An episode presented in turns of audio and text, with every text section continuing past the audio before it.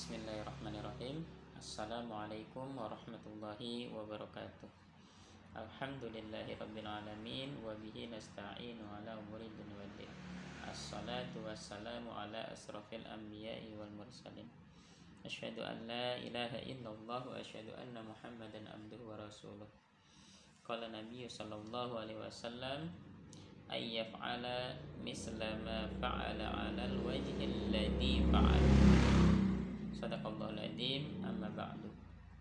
Sahabat-sahabatku yang sama-sama mengharapkan ridha Allah taala. Segala puji hanya milik Allah taala. Segala zat yang Maha Ghafur, zat yang Maha Syukur yang telah memberikan beribu-ribu nikmat yang tidak terukur.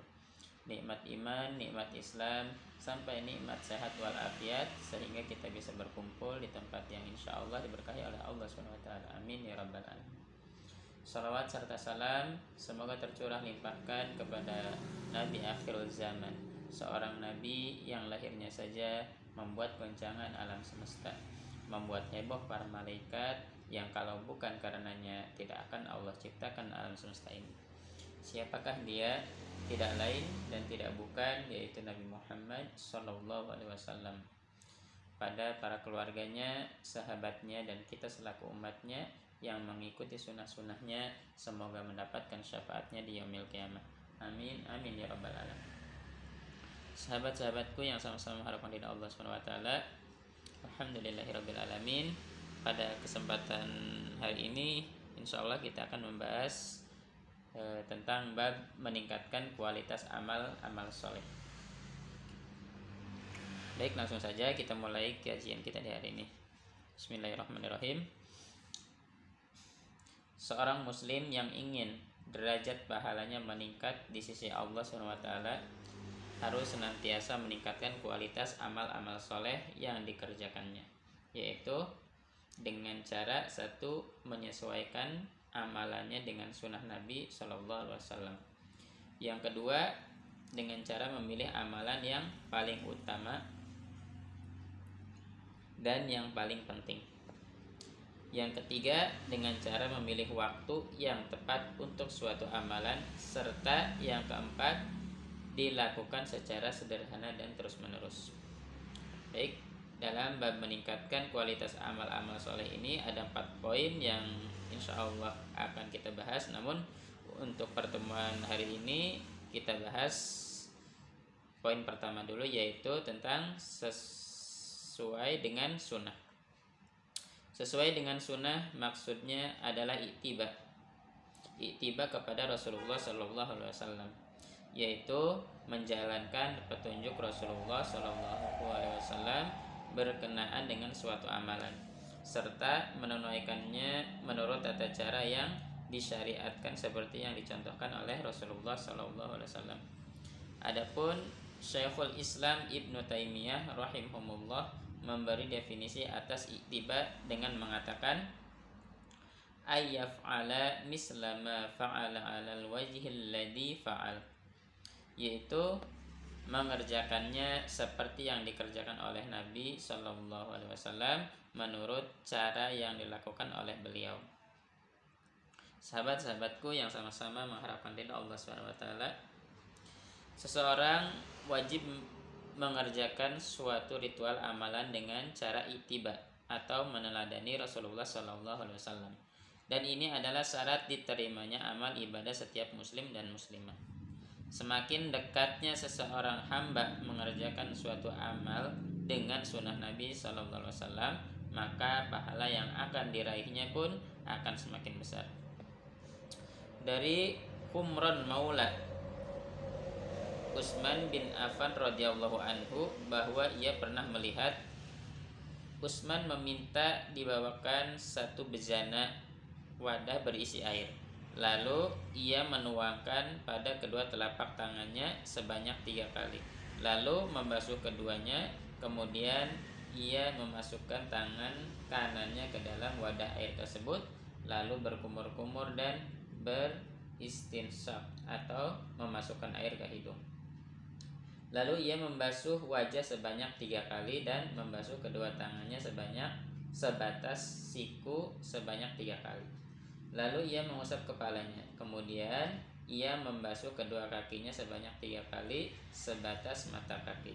Lalu ia berkata, Rasulullah Shallallahu Alaihi Wasallam bersabda, "Man tawaddoa nahwa wudu'i hadza summa shalla rak'atain la yuhaddisu fihima nafsahu ghufira lahu ma taqaddama min dambi Barang siapa yang berwudu seperti wuduku ini lalu mengerjakan sholat dua rakaat yang tidak terlintas dalam hatinya hal-hal yang menghilangkan kekhusyuan sholatnya maka akan diampuni dosanya yang telah lalu.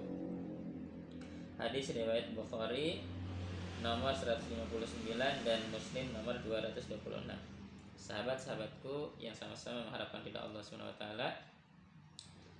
Pada amalan di hari Jumat Rasulullah Shallallahu alaihi wasallam bersabda,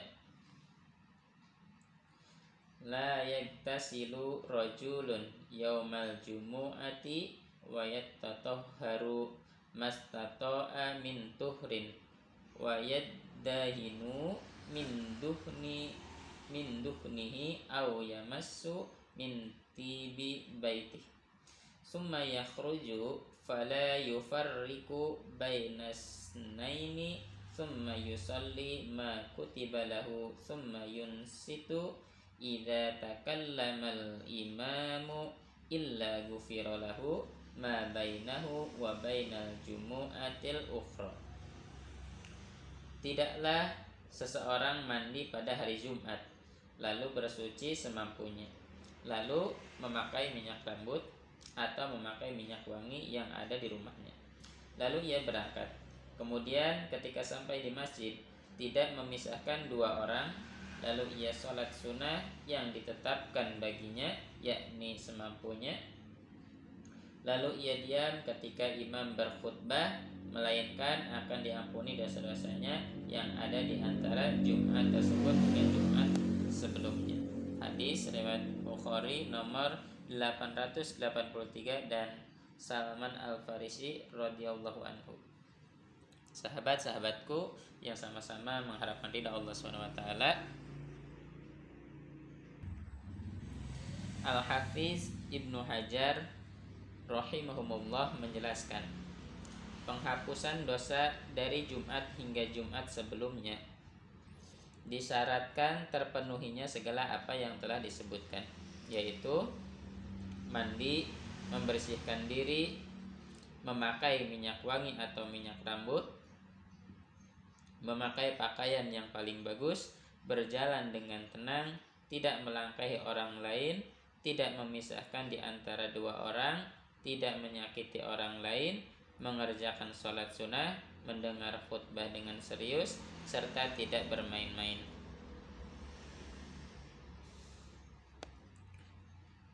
Dan banyak sekali dalil-dalil yang menunjukkan tentang diraihnya ganjaran yang besar disebabkan mengikuti sunnah-sunnah Rasulullah SAW.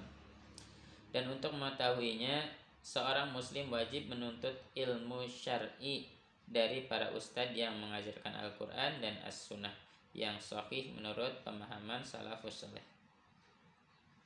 Sahabat-sahabatku yang sama-sama mengharapkan dari Allah SWT Alhamdulillahirrabbilalamin Pada kesempatan hari ini Kita sudah membahas Membahas tentang bab meningkatkan kualitas amal-amal soleh Dan sudah membahas satu poin yaitu tentang sesuai dengan sunnah Rasulullah SAW Dan sudah dijelaskan pula bahwa Yang namanya sunnah itu yaitu adalah Suatu perkataan atau pekerjaan dan ketetapan Rasulullah SAW. Contohnya yang tadi yang beberapa contoh yang sudah dijelaskan, misalkan amalan sunnah di hari Jumat.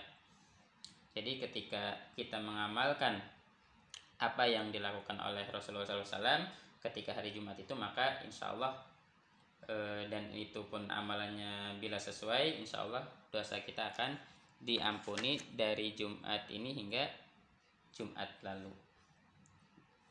Alhamdulillah luar biasa ya e, apabila kita bisa mengikuti sunnah-sunnah Rasulullah SAW insya Allah keimanan kita akan semakin meningkat apabila kita terus melaksanakan dan mengikuti sunnah-sunnah Rasulullah Rasulullah Sallallahu Alaihi Wasallam. Baik sebelum kita akhiri pertemuan kita di hari ini, mari kita berdoa kepada Allah Subhanahu Wa Taala. Mudah-mudahan doa-doa kita dikabulkan oleh Allah Subhanahu Wa Taala. Amin ya rabbal alamin. Bismillahirrahmanirrahim. Allahumma salli ala sayyidina Muhammad wa ala ali sayyidina Muhammad. Allahumma ighfir lana dhunubana wa liwalidina warhamhuma kama rabbayani. ولجميع المسلمين والمسلمات والمؤمنين والمؤمنات الأحياء منهم والأموات اللهم إنا نسألك سلامة في الدين وعافية في الجسد وجيادة في العلم وبركة في الرزق وتوبة قبل الموت ورحمة عند الموت ومغفرة بعد الموت اللهم هون علينا في شكرة الموت والنجاة من النار والعفو عند الحساب ربنا آتنا في الدنيا حسنة وفي الآخرة حسنة وقنا عذاب النار والحمد لله رب العالمين والله أعلم بالصواب سبحانك اللهم وبحمدك أشهد أن لا إله إلا أنت أستغفرك وأتوب إليك والسلام عليكم ورحمة الله وبركاته